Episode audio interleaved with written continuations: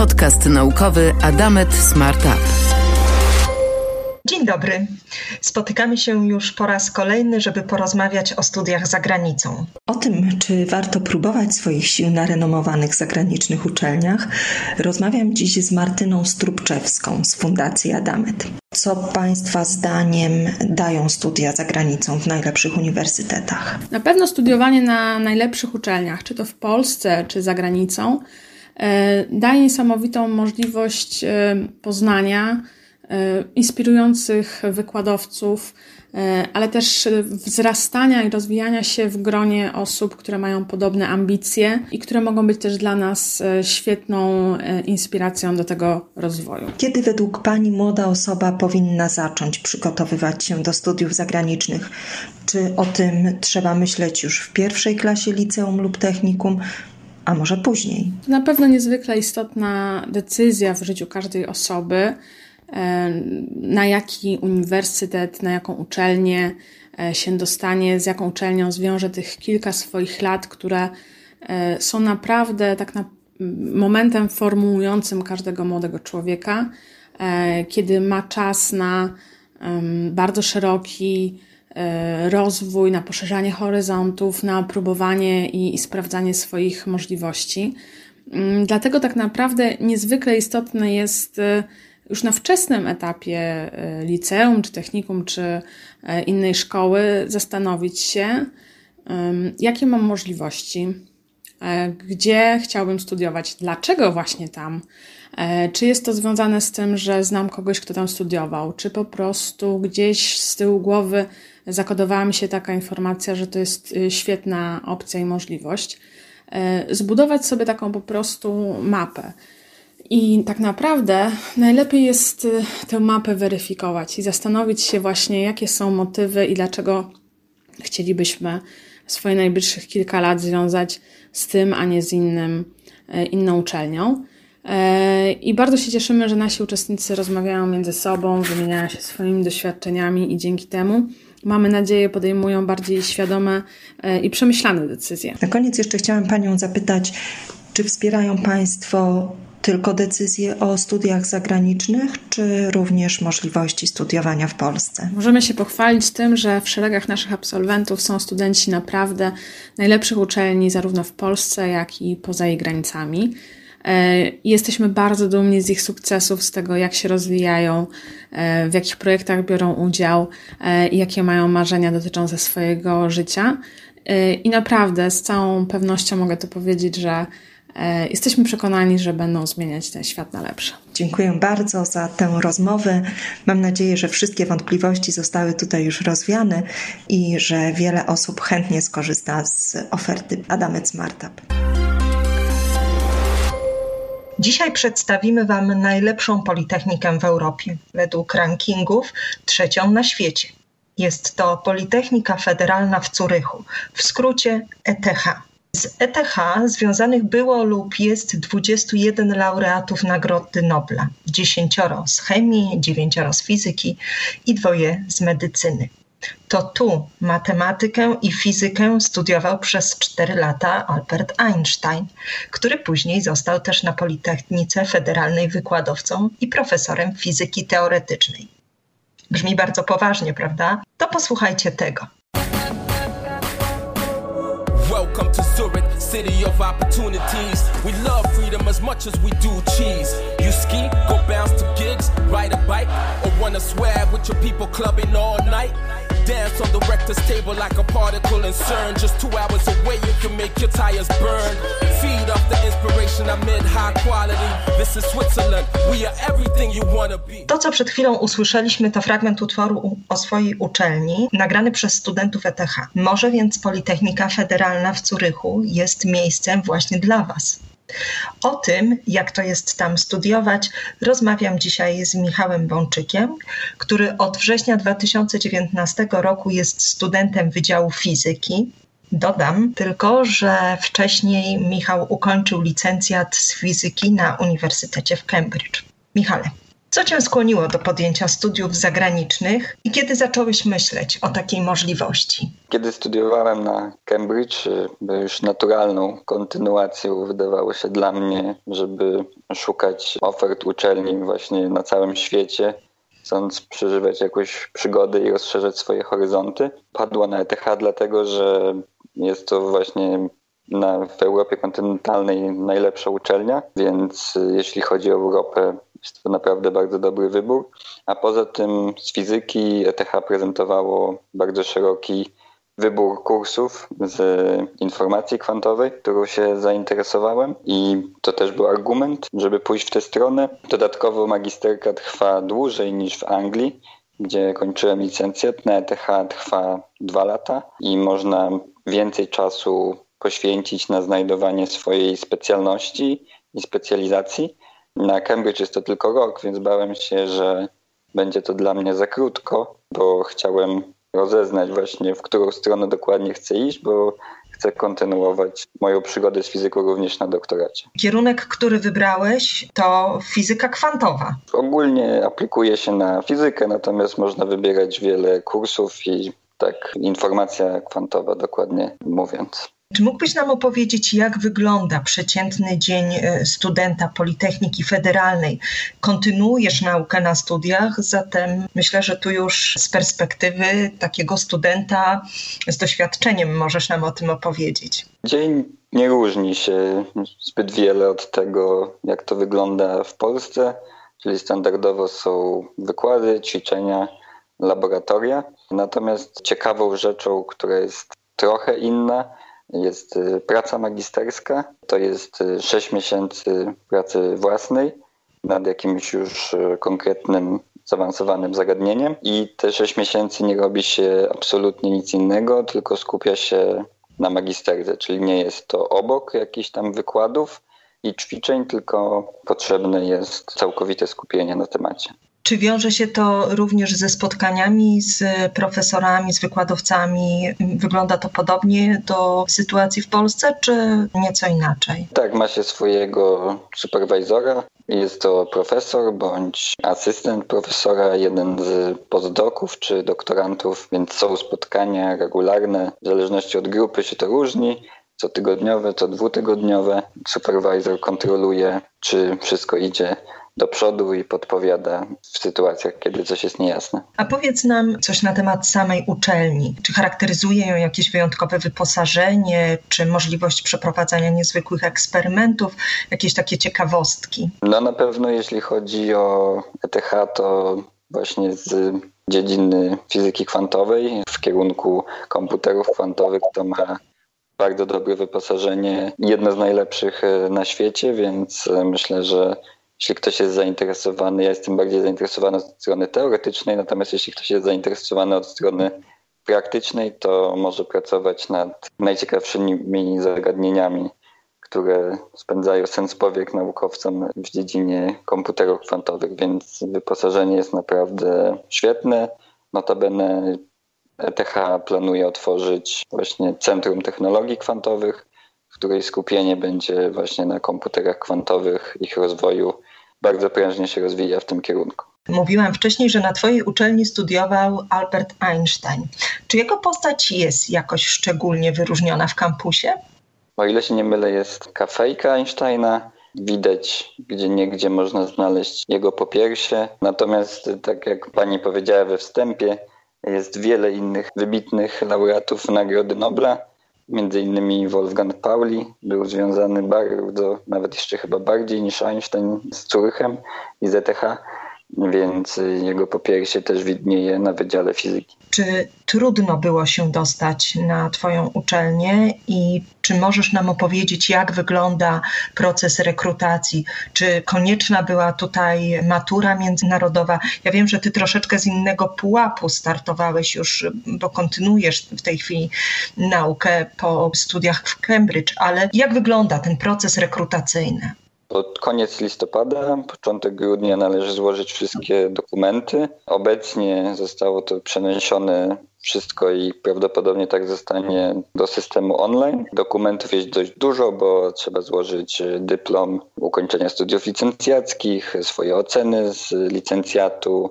Trzeba też złożyć y, przetłumaczoną maturę z liceum. Nie musi to być y, matura międzynarodowa, ale takie informacje też są wymagane. Do tego, jeśli ktoś nie studiował w kraju anglojęzycznym na licencjacie, tak jak ja, to certyfikaty językowe.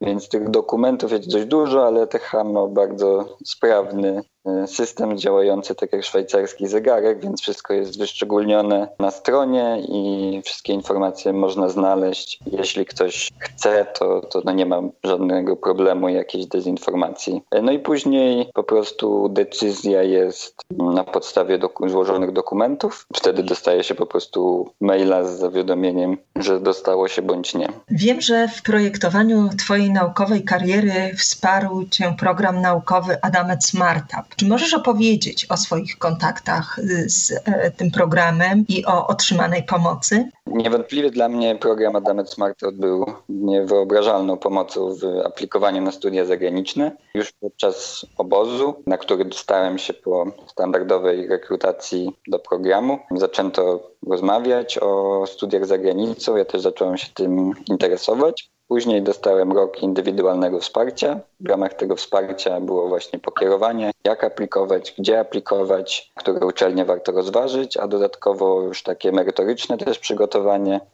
czyli przygotowanie do matury, konwersacje z angielskiego, tak żeby wdrożyć się już w język i, i dodatkowo też przygotowanie do egzaminów specjalistycznych, takich jak STEP, który jest wymagany na uczelnię na kierunek matematyka na Cambridge.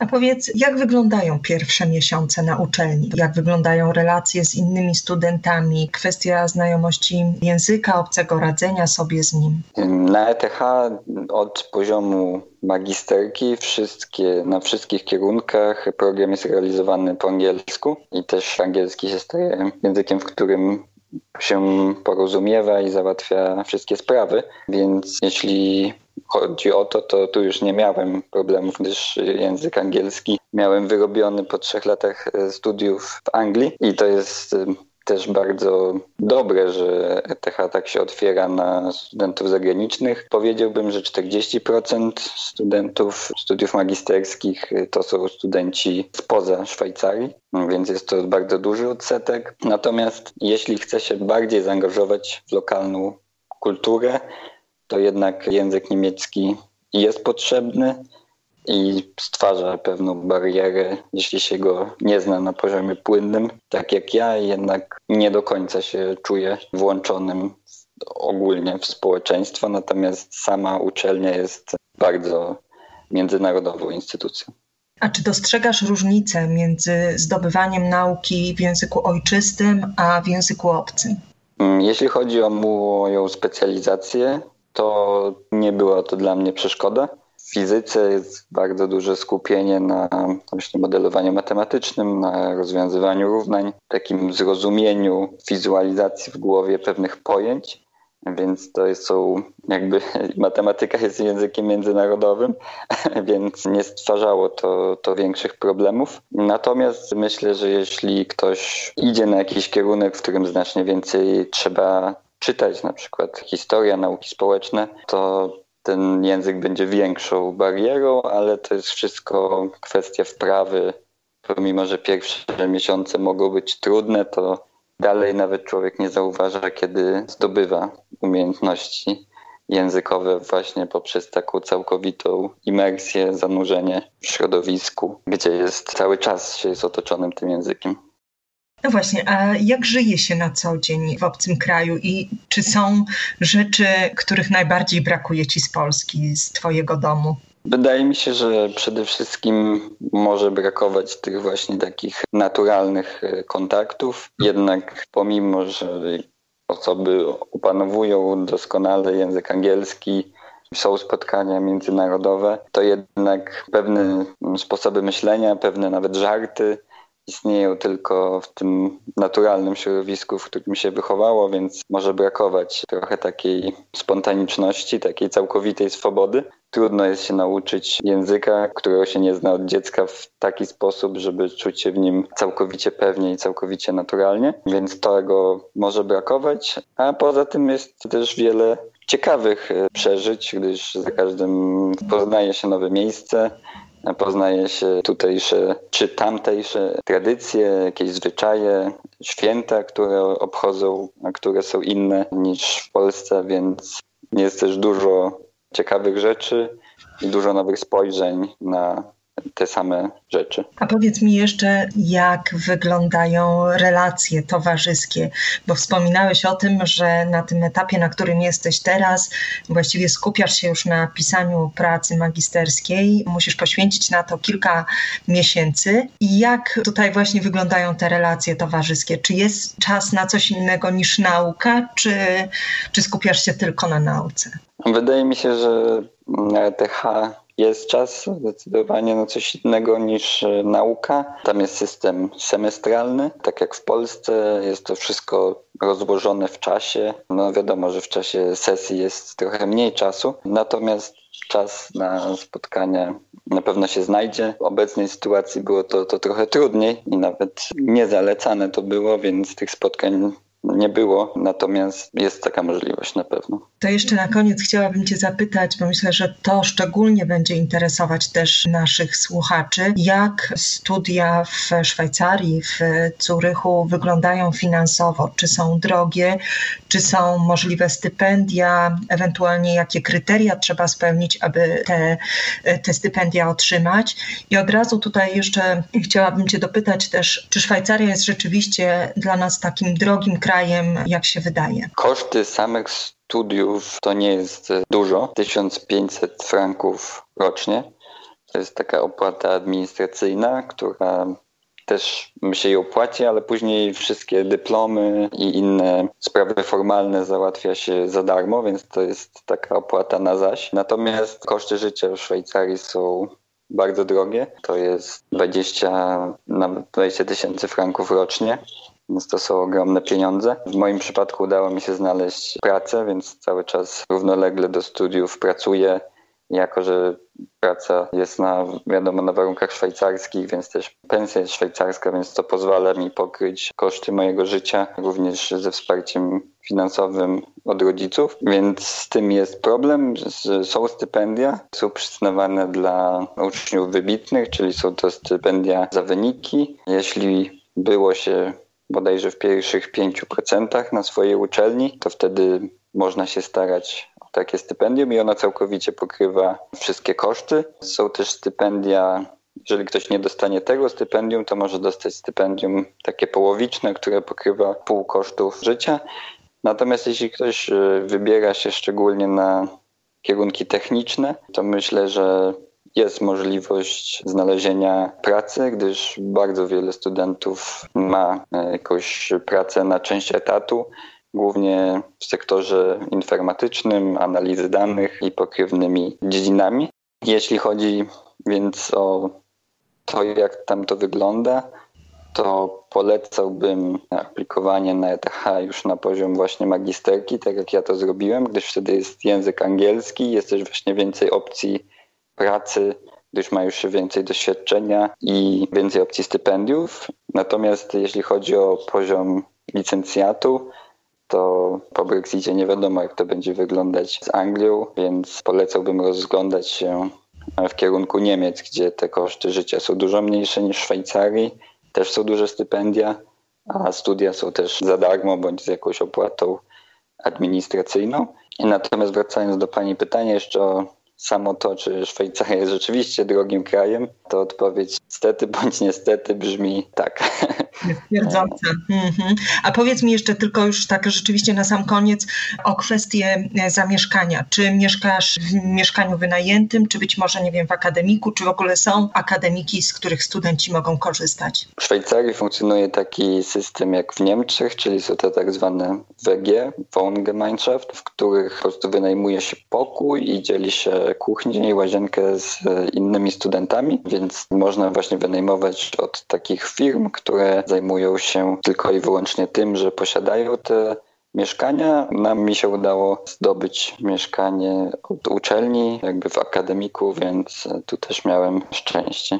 Więc akademiki też są i są przeznaczone dla osób zagranicznych w pierwszej kolejności i dla tych, które dostają stypendium, tak żeby osoby, które przyjeżdżają z zewnątrz miały mniejszy problem w znalezieniu mieszkania. Michale, bardzo Ci dziękuję za tę rozmowę, za udział w podcaście naukowym Adamet Smartup. Wspominałeś podczas tej naszej rozmowy, że myślisz już intensywnie o doktoracie, w związku z czym ja życzę Ci wielu, wielu sukcesów naukowych i rozwijania swoich pasji, swoich zainteresowań.